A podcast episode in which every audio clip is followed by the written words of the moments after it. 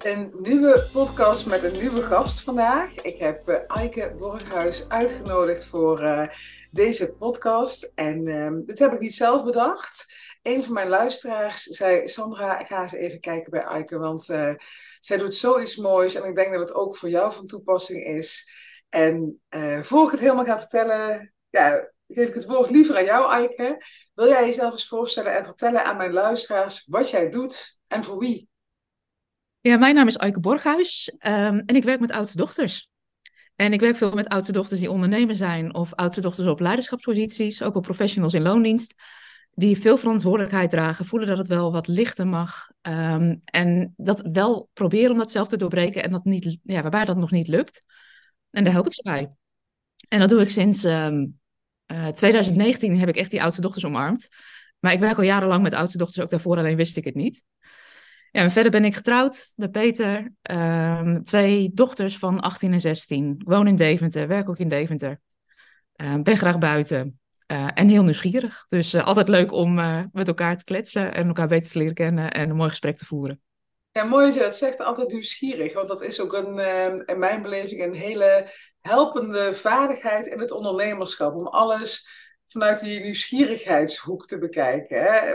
In plaats van dat je het al helemaal wil invullen. Dus uh, mooi dat je dat zegt. Ja. En ik denk voor de luisteraar um, ook fijn om te weten, want ik dacht dus dat ik geen oudste dochter was, maar dat ben ik wel.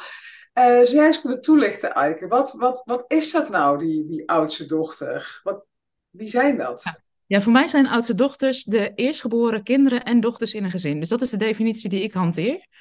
Um, en tegelijkertijd zie je ook wel heel vaak dat er ook wel vrouwen zijn die een broer boven zich hebben, die zich ook herkennen in wat ik beschrijf. Um, en dan zie je toch wel wat nuances. Want nee, je gaf zelf al aan van ik ben een, um, de enige dochter in het gezin of het enige kind. daar zitten wel nuances in, want je hebt minder voor je broertjes en zusjes hoeven zorgen. Maar bent waarschijnlijk al wel jong, veel opgetrokken met volwassenen, veel verantwoordelijkheid gedragen. maar wat ik, ja, wat ik eigenlijk de rode draad die ik bij oudste dochters zie, is veel verantwoordelijkheid dragen en dat goed kunnen. En dat tegelijkertijd ook weer vastlopen omdat het te zwaar wordt. Ja. Um, en ja, de reden waarom ik met oudste dochters ben gaan werken, ik werk systemisch. Dus ik kijk altijd naar welke plek neem je in in dat familiesysteem. Um, want op het moment dat jij op je volwassen plek staat, en dit geldt voor alle luisteraars, op het moment dat jij op je volwassen plek staat, dan worden dingen in je leven makkelijker, omdat je een soort stevigheid krijgt van binnenuit. -hmm. Ja, mooi. En uh, ik heb ook jouw boek gelezen. Nou, ja. ja de, ja. luisteraar kan het niet zien, maar ik hou het nu in de lucht. Het verborgen leiderschap van de oudste dochters. Ja. En wat mij daar ook, uh, wat ik heel interessant vond, uh, omdat ik, ik ging natuurlijk gelijk in mijn omgeving een beetje screenen. Uh, wie zijn er allemaal oudste dochter? Herken ik ze erin? Maar wat ik opvallend vond, is dat je dus ook, al ben jij tweede, derde, vierde dochter, dat je alsnog die plek van die eerste dochter kan innemen als de oudste dochter het zelf niet kan. Zeg ik het zo goed? Ja, dat klopt. Ja, wat je, wat je soms ziet, um, is dat bijvoorbeeld een oudste dochter. Um, ja, je ziet een aantal. Sowieso de plek in het gezin is heel bepalend. Wat er kan gebeuren is dat je zus het niet kan, omdat ze bijvoorbeeld gehandicapt is, dat ze extra zorg nodig heeft. Als zij die oudste plek, of die plek als oudste dochter niet kan innemen, zie je soms dat broertjes en zusjes later in de rij, dat die eigenlijk zich groter gaan maken, gaan zorgen voor. Um, dus zo zie je dat je kan opschuiven in die kinderrij. Wat ook al gebeuren is dat een oudste dochter denkt, nou die druk die ik voel vanuit dat familiesysteem is zo groot, uh, ik vertrek. Je ziet soms ook echt dat de oudste dochters gewoon emigreren of echt letterlijk vertrekken. Um, dan zie je vaak ook dat er verschuivingen komen in die kinderrij. Ja, ja, mooi is dat. En, en um, als je dus, uh, nou stel hè, dat je nu twijfelt van ben ik nou wel oudste dochter of niet, hè, um, uh, hoe je dat bekijkt. Wat, wat is, wat is nou typisch voor een oudste dochter? Welke vaardigheden uh, heeft, heeft zo'n vrouw? Ja, wat, wat, iedereen herkent, want ik heb jarenlang gewerkt met oudste dochter zonder dat ik het wist, is dat grote verantwoordelijkheidsgevoel. Dus we dragen veel verantwoordelijkheid, kunnen dat ook goed. Daardoor zie je vaak ook dat we leiderschapsposities innemen. En heel vaak gebeurt dat, uh, terwijl we ons daar helemaal niet zo bewust van zijn. Want heel vaak zie je dat oudste dochters al uh, zijn. Dat ze vaak in de studentenvereniging in het bestuur zitten van de vereniging. Um, op het moment dat ze kinderen krijgen, dat ze voorzitter zijn van de ouderraad. Dus je ziet vaak ook dat ze actief zijn ook om dat geheel te versterken. En dat zie je eigenlijk bij heel veel oudste dochters. Um, en dat doen ze vaak ook vanuit het gevoel van iemand moeten doen. Um, en ze kunnen het ook goed, maar ze, ja, het zijn niet altijd de vrije plekken die ze, die ze daarin kiezen. En, en wat bedoel je ermee? Het zijn niet de vrije plekken die ze kiezen? Ze voelen een uh, roep van iemand moet het doen. Ja. Als ik kunnen... niet doe, doet niemand het. Is dat ja, de gedachte? Ja, ja, ja. Dus, dus daarin zie je vaak ook dat oudste dochters ook dat privé herhalen. Ook in vriendengroepen zijn het vaak de oudste dochters die de boel wel regelen. Ja. Uh, als er een cadeautje geregeld moet worden voor de ouders, dan is het vaak de oudste dochter die daar de eerste stap in zet. Ja, dat herken ik ook als ik naar uh, mijn schoonfamilie kijk, inderdaad. Die, uh, daar, Johan, mijn vriend, die heeft twee zussen en een broer. Maar het is altijd de oudste zus die de app stuurt wat gaan we regelen voor papa of mama? Grappig. grappig en dat gebeurt bijna onbewust. En dus dat, daar zijn we ons ook helemaal niet zo bewust van. Maar daardoor zie je soms ook dat anderen onze leiderschapskwaliteiten eerder zien dan wij. Dus we vinden het vaak ook gewoon hè, dat we uh, een succesvol bedrijf opbouwen. Of dat we in een uh, organisatie een leiderschapsrol vervullen. Um, daar denken we eigenlijk helemaal niet zo over na. Dat vinden we gewoon. Dat vind ik wel interessant dat je dat zegt, hè? dat zelf niet kunnen zien. Want dat herken ik ook bij mezelf, maar ook bij mijn klanten. Dat inderdaad, dat ik denk, Um, ik heb dat wel eens, dat ik, dat met vrouwen spreek en, en dat ze dan uh, zeggen van ja, maar uh, zit hier nou echt waarde in? Gaan mensen hier naar voor betalen? En dat ik echt denk, de, wereld ligt aan je voeten. Ga die, ga die stap zetten, want je kan zoveel mensen helpen met wat voor jou uh, normaal is. En um, om, om dan gelijk even de luisteraar hierin te, te helpen. Uh, wat kan je daar dan mee doen als jij dus uh, uh, niet bij jezelf je eigen talenten kan herkennen? Hoe ga je het, hoe ga je het oplossen? Ja, wat, wat voor mij echt een eye-opener was, want als ik kijk naar mezelf, ik heb mezelf heel lang niet als een leider gezien. En wat dat veranderde eigenlijk voor mij op het moment dat ik de definitie van leiderschap hoorde van Brene Brown. Mm -hmm. Want zij zegt eigenlijk, de definitie van leiderschap is het potentieel zien in mensen en ideeën. En de lef en het moed hebben om dat potentieel te ontwikkelen. Wat mooi. En, en toen, ik dat, toen ik dat hoorde voor het eerst, dan dacht ik, ja, maar dit doe ik al. Mhm. En ik denk dat heel veel uh, oudste dochters en vrouwen ook in het algemeen zichzelf niet zien als leiders, omdat um, we toch een traditioneel beeld hebben over wat leiderschap is. Witte man, inpak, uh, um, vaak gebaseerd op macht. Dat is iets waar veel oudste dochters zich niet in herkennen, omdat we vaak gericht zijn op het versterken van dat geheel. Dus we willen het samen doen, in verbinding met elkaar. Ja, en als je jezelf niet ziet als leider, dan, dan handel je ook niet als een leider. En wat daarin voor mij heel veel ruimte heeft gegeven, is dat ik mezelf ben gaan zien als een lerende leider. Dus ik neem de verantwoordelijkheid voor het ontwikkelen van mijn eigen potentieel uh, en het potentieel van mensen met wie ik samenwerk. Um, maar ik hoef het nog niet allemaal te weten of te kunnen. Ik mag mezelf ook blijven ontwikkelen en blijven leren en blijven groeien. En dat geeft voor mij en voor veel van mijn klanten ook heel veel ruimte.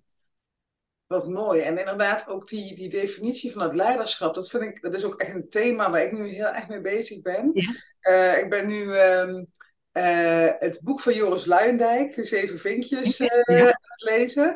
En dan gaat het dus ook over dat we dus in de samenleving bedacht hebben dat echt je plek innemen en luid aanwezig zijn, veel praten en niet luisteren, dat dat leiderschap is. Maar eigenlijk is het natuurlijk helemaal geen leiderschap. Als leider heb je natuurlijk ook heel goed te kunnen luisteren. En heb je ook die soft skills nodig. Dus dat is ook, denk ik, al heel interessant voor de luisteraar. Van wat is jouw definitie van leiderschap? En, en pas je daar dan, uh, dan in of niet? Ja, en ook van wat je ook vaak ziet is in de systemen waarin je werkt. Van, van uh, systemen zoeken vaak dezelfde mensen erbij. Want een systeem is ook voortgericht op het voorbestaan van dat geheel. Dus een organisatie die zal van nature makkelijk mensen erbij trekken die hetzelfde doen als de leiders. Um, maar heel vaak merk je dat vrouwen andere kwaliteiten meebrengen. Dus het is ook de vraag van, lukt het je om die verandering in dat systeem te brengen waar je, waar je werkt? Of kies je ervoor om het ondernemerschap te kiezen, zodat je uh, je eigen systeem vormt en daarin gewoon meer vrijheid hebt om het op jouw manier vorm te geven? Ja, ik denk dat dat ook de vrouwen zijn die op onze paden komen, hè? die dan hun eigen uh, systeem gaan creëren uh, door middel van het ondernemerschap. Ja. Um, en eigenlijk, nou, ja, je zegt dus, hè, de, wat echt een, een, typisch voorbeeld is van de oudste uh, dochter, is uh, het verantwoordelijkheidsgevoel wat we hebben. Uh, ja. Zijn er nog meerdere kenmerken die we kunnen toekennen aan de oudste dochter? Ja, ze zijn gericht op het versterken van het geheel. Oudste dochters zijn vaak zorgzaam. Je noemde net het voorbeeld altijd al van je schoonzus. Er moet wat geregeld worden voor, voor vader of moeder. En um, je neemt de eerste stap. Um, ja, die natuurlijke leiderschapskwaliteiten die je hebt.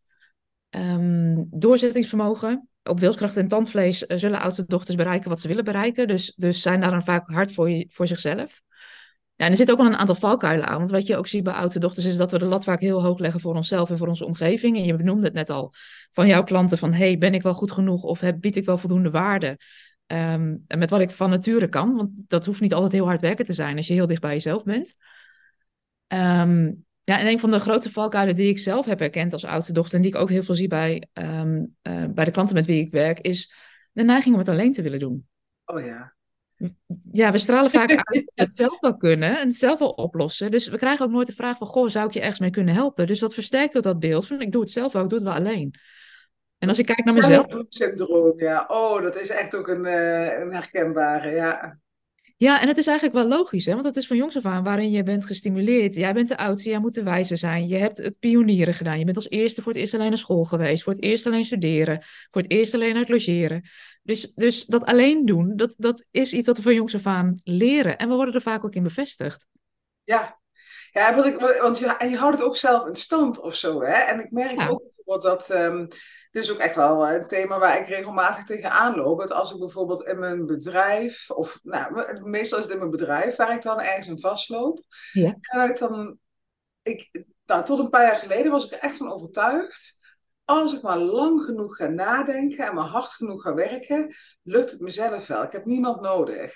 En uh, dat Johan ook wel eens zei van, waarom heb je daar of daar nooit eens een keer over gepraat of hulp gevraagd? Maar, maar wat, je, maar wat, wat je hier benoemt is heel essentieel. Heel veel oudste dochters zitten veel in het hoofd. En daar zijn we van ons af aan ook op uitgedaagd. Hè? In het schoolsysteem al van kennis van buiten naar binnen halen. Maar dat we een heel lijf hebben wat intuïtief is, wat meewerkt, wat ook hele waardevolle wijsheden bevat. Daar zijn we vaak helemaal niet in afgestemd. En wat er gebeurt is met je hoofd, als je erover nadenkt, je blijft in dezelfde langspeelplaat draaien en in diezelfde groef. En daar kom je in je eentje gewoon niet uit. Dus in mijn beleving heb je gewoon iemand nodig die van buitenaf met je meekijkt. Ja. Om, um, ja, om dingen te zien die je zelf niet ziet. Of die net dat grotere perspectief kan laten zien wat je zelf nog niet ziet.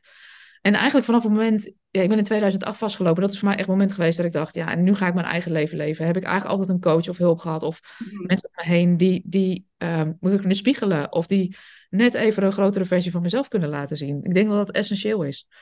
Dat denk ik ook, want inderdaad, in je eentje blijf je maar uh, doormalen. En ik moet ook heel eerlijk zeggen hè, dat ik met dat gedrag, of die, die coping, ja, uh, ik ben nu 42, ik ben er ook best wel een eind mee gekomen. Maar op een gegeven moment stopt het ook ergens. En heb je ook in mijn geval was het vooral toen ik kinderen kreeg en zo. Ik had geen tijd meer om hele avonden, nachten te malen en na te denken en, en zelf maar de oplossing eh, te vinden. Dus ik ben ook, zelf heb ik uiteindelijk ook uh, de keuze gemaakt om uh, coaches in te schakelen en me te helpen. Ja. En dan wordt het leven echt een stuk, stuk lichter. Um, en, en, maar ik kan me ook voorstellen, hè, hebben wij nou als oudste dochters, um, als we dan kijken naar het ondernemerschap, uh, want dat is toch hè, waar, waar ja. uh, dames hiervoor uh, naar deze podcast luisteren, waar, waar, ja, waar ze in geïnteresseerd zijn. Wat hebben wij nou als um, voordeel ten opzichte van andere vrouwen of mannen, dat, dat, dat wij die oudste dochter zijn? Wat, wat, wat helpt ons hierin?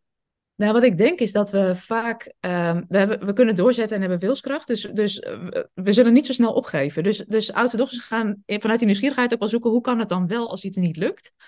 Dus ik denk dat die um, helpend is voor oudste dochters, terwijl het ook een stuk zachter kan. Maar die wilskracht en die doorzettingsvermogen niet opgeven als het tegen zit. Ik denk dat dat iets is wat oudste dochters gemeen hebben met elkaar. En dat we vaak, als we eenmaal voor het ondernemerschap kiezen, dat we een hele sterke drijfveer hebben van binnenuit. We weten waarom we doen wat we doen. En we hebben een grotere missie. Dus het gaat niet alleen om ons, maar we willen ook een, een positieve maatschappelijke impact brengen. Um, dus dat, je hebt altijd een reden om door te gaan.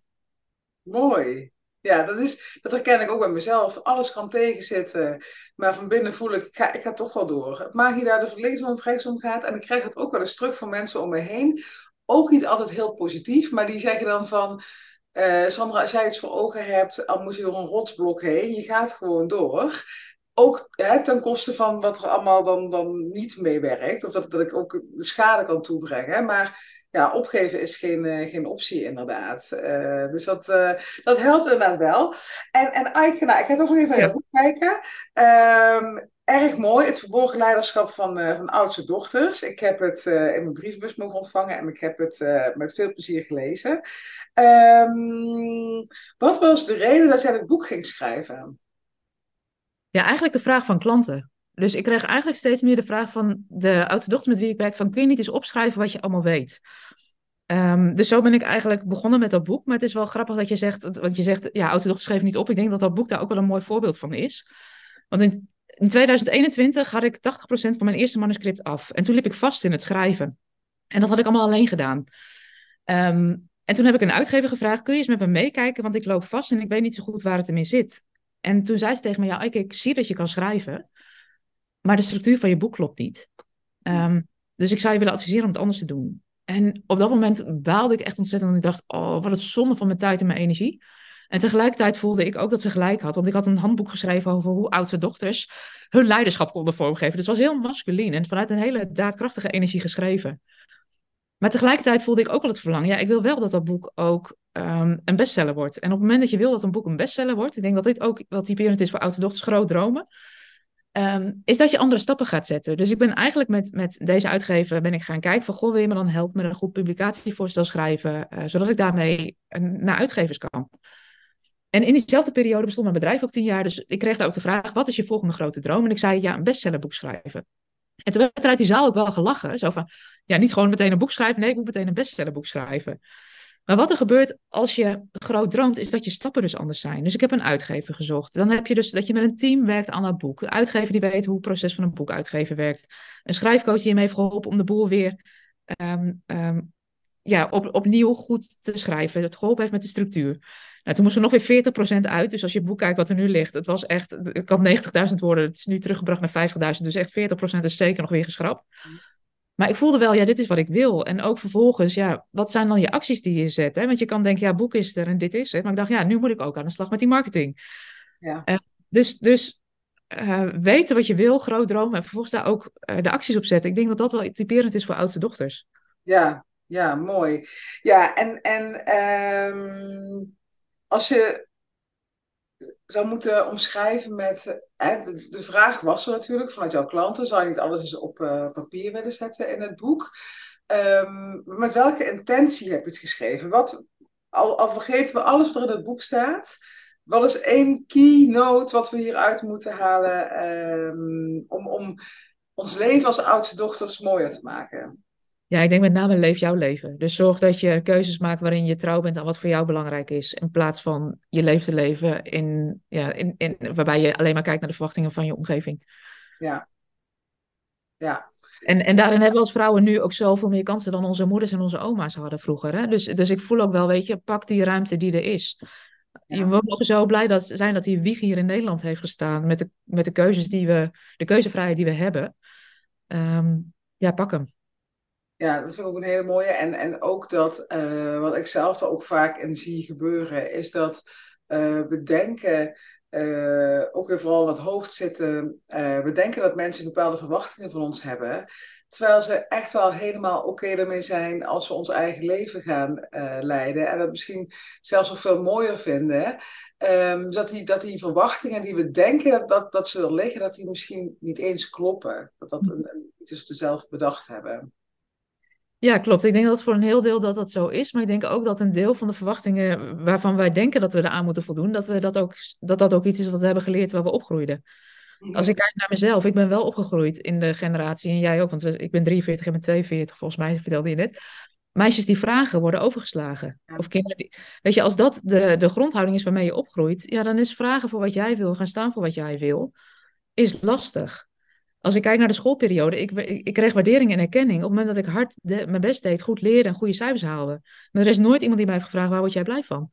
Nee, dat is inderdaad echt ook een, totaal andere generatie dan nu. Ik, eh, ik, ik zou dat nooit nu nog tegen mijn kinderen zeggen van uh, kindjes die vragen die worden overgeslagen. Ik hoorde laatst ook iemand zeggen, kinderen die zwijgen zullen nooit iets krijgen. Ik dacht, nou, daar kan ik me eerder in vinden. Zeg maar wat je wil. Betekent niet dat je alles maar kan krijgen, maar uh, je mag het wel uitspreken, maar dat is inderdaad ook wel die generatieverschil. Uh, uh, en eigenlijk waar we het net ook over hadden, voordat we de podcastopname starten, is het thema geld. hebben we als ondernemer en als vrouw natuurlijk allemaal mee te maken. Mm-hmm. Um, en je vertelde daar wel iets interessants over. Want wat, wat zie jij gebeuren tussen, de, tussen het thema geld en vrouwelijke ondernemers?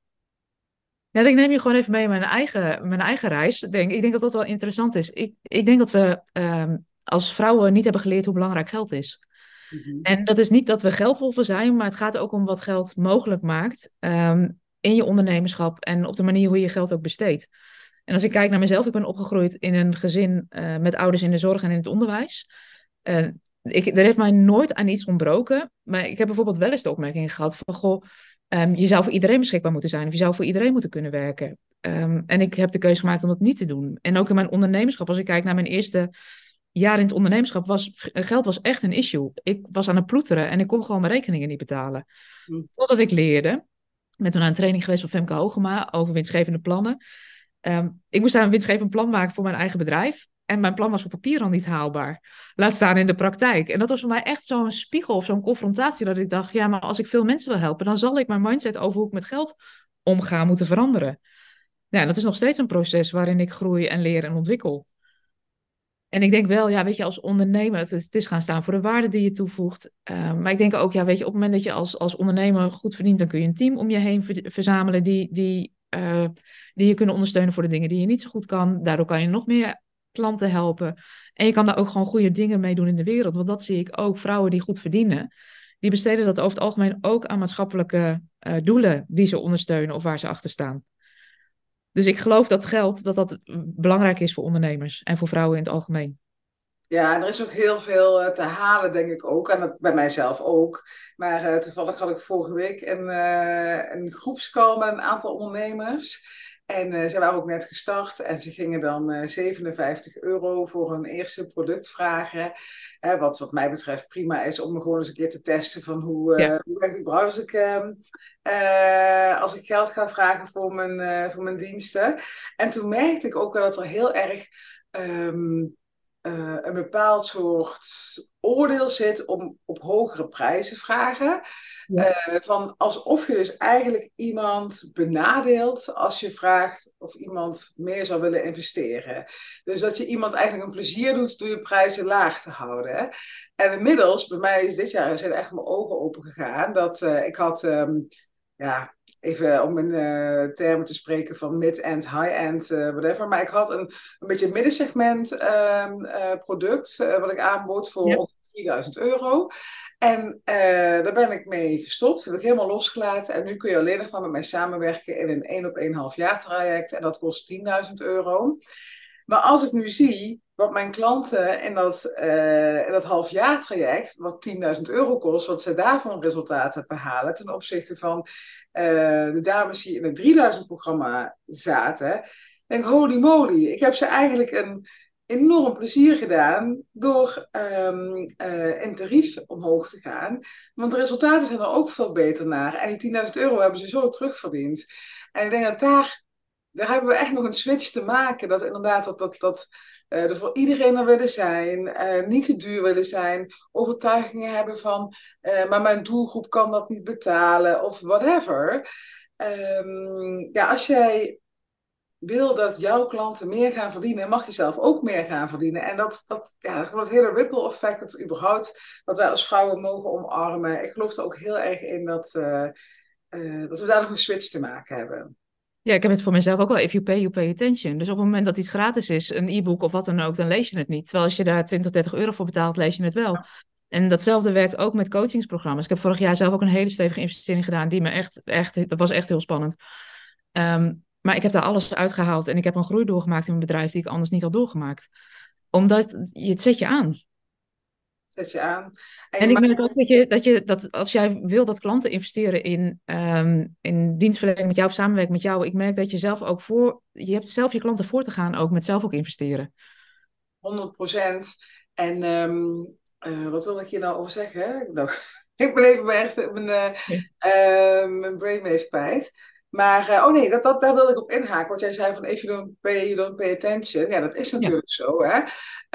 Um, en, en ik kan dat nu, nu ook, als ik terugkijk naar de eerste jaren, vooral het eerste jaar, ben ik echt in de fuik van gratis webinars, e-books, alles gevallen. Ik heb alles wat er te vinden was uh, gevolgd en, en gedaan. Maar dat is niet transformerend. En als ik, als ik nu terugkijk, denk ik van, dan had ik als ik daar nou andere uh, besluiten in genomen had, als ik het mezelf gegund had, vooral om toen al um, uh, goed in mezelf te investeren, had me dat zoveel tijd uh, gescheeld. En in die zou je zeggen, Aike, sorry. Dat is niet zo gek, hè? Want we hebben nooit geleerd om te investeren. We hebben, we hebben geleerd dat, dat geld uitgeven, dat dat kosten zijn. Ja.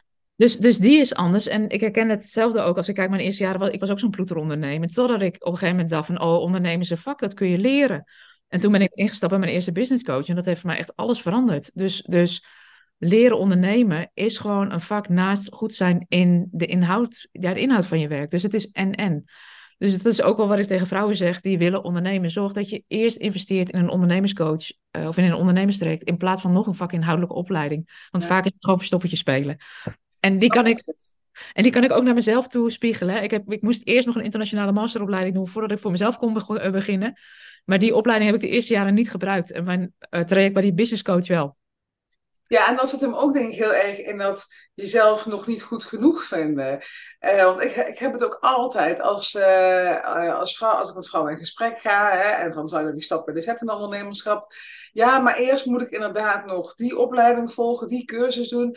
En dan hebben we het echt over trajecten van een jaar of langer. En dan ik denk van, en dan ga je dus nu al jouw genialiteit on hold zetten, terwijl je nu al hele volkstammen kan helpen omdat jij nog die cursus wil gaan doen om jouw ego um, de validatie te geven dat je mag starten. En tegelijkertijd kom ik precies daar ook vandaan. Ik, uh, ik, uh, toen ik nog in loondienst zat, ik werkte op de Zuidas. Uh, ik wilde wel voor het ondernemerschap gaan, maar dan moest ik eerst 50.000 euro gespaard hebben. Nou, dat, dat was mijn, lang, uh, mijn, mijn hele leven waarschijnlijk niet gelukt. Uh, op de manier hoe ik toen leefde. Hè. Maar dat was gewoon een manier om jezelf even on hold te zetten en het um, een beetje, ja, hoe noemde je dat nou net? Dat je verstoppertje aan het spelen bent. Ja. ja, een verstoppertje spelen, die kun je ook wel herkennen, weet je. Het is eerst dit, dan dat. Ja. Um, het is ja, dus, dus ik denk die is heel herkenbaar voor heel veel vrouwen. Van eerst dit, dan dat. Zorgen dat je uh, voldoende financiële buffer hebt. En natuurlijk is dat ook belangrijk, hè? Want een stukje buffer is nodig als je start met je bedrijf. Uh, maar ik denk heel vaak is het ook gewoon angst. En het is uh, je ego of je innerlijke rechten, noem ik het vaak, die ook harder begint te tetteren op het moment dat je dit soort keuzes wil gaan maken. Mm -hmm. Want het is ook spannend, want je doet dingen die je niet geleerd hebt. Want dit wijkt af van wat je op school hebt geleerd. Van kies, zorg dat je een goede studie krijgt, zorg dat je een, een goed betaalde baan hebt. Dan, dan, dan ja, dan ben je binnen of dan heb je het goed geregeld voor jezelf. Maar de vraag is of daar echt je geluk ligt. Ja, ja dat is inderdaad de vraag die je zelf uh, mag stellen. Is het, is het waar jij dan inderdaad gelukkig van wordt, uh, ja of nee? Ja. Ja, en um, ik, ik, um, uh, ik denk dat we ook een beetje richting het einde van de podcast gaan. Ja. En wat ik jou zou willen vragen is, is er nog iets waarvan je denkt, dat wil ik echt uh, kwijt aan, aan de wereld, aan oudste dochters? Uh, wat, wat wil jij de wereld nog inslingeren? Ja, je moet het zelf doen, je hoeft het niet alleen te doen. Dat is wel een goeie. Het zelf doen, maar niet alleen doen. Ja, omdat ik denk dat, dat hier de grootste wind ligt voor oudste dochters. Om uh, wel te voelen van, die droom te voelen van hé, hey, wat je zou willen en daar vervolgens hulp bij in te schakelen. En of dat nou gaat over je vrije voelen, over, of dat nou gaat over je bedrijf uh, verder opbouwen. Um, ja, ik denk dat het belangrijk is dat we, dat we het samen gaan doen. Ja. Het wordt er lichter en leuker van. Het voelt vrijer. Um, ja. En de resultaten worden ook een stuk beter. Ja, het versnelt gewoon je groei en ontwikkeling. Als ja. mens en als ondernemer. Ja. Mooi om daarmee af te sluiten. Um, voor degenen die denken van, hé, hey, dat boek, uh, hoe heet dat nou ook alweer en waar kan ik het vinden? Ik ga de link in de show notes, show notes zetten. Het is het boek van Eike Borghuis, het verborgen leiderschap van uh, oudste dochters. En uh, Eike, als um, oudste dochters of luisteraars nu nog met vragen zitten aan jou, waar kunnen we je dan bereiken? Um, dat kan sowieso via de website www.oudstedochter.com of een mailtje naar info.aikeborghuis.nl en dan helpen we je graag verder. Super. Ga ik dat ook in de show notes uh, zetten. En dan wil ik jou heel graag bedanken dat je hier uh, aanwezig wilde zijn. En ik denk ook um, uh, dat je veel nieuwe inzichten en misschien ook wel herkenbare inzichten hebt gedeeld. Waar wij als oudste dochters ons voordeel mee kunnen doen. En wat ik ook al tegen jou zei, in een podcast ga je de wereld niet veranderen. Maar misschien is het net even het setje voor jou als luisteraar dat je denkt wacht eens even, ik, ik herken mezelf hier ook in. ik mag hier iets mee, dit gaat me wellicht helpen in mijn ondernemersreis of überhaupt in het leven. En dan uh, zou ik je willen uitnodigen om uh, die nieuwsgierigheid om te zetten in actie en om het boek van Aike te gaan lezen. Of haar podcast, heeft ook een hele mooie podcast. Um, om eens te kijken van hoe kan jij hier uh, stappen mee zetten. Zodat het leven jou ook lichter wordt en um, het ondernemerschap ook een stuk makkelijker. Dankjewel Aike en ehm, tot de volgende podcast. Dankjewel.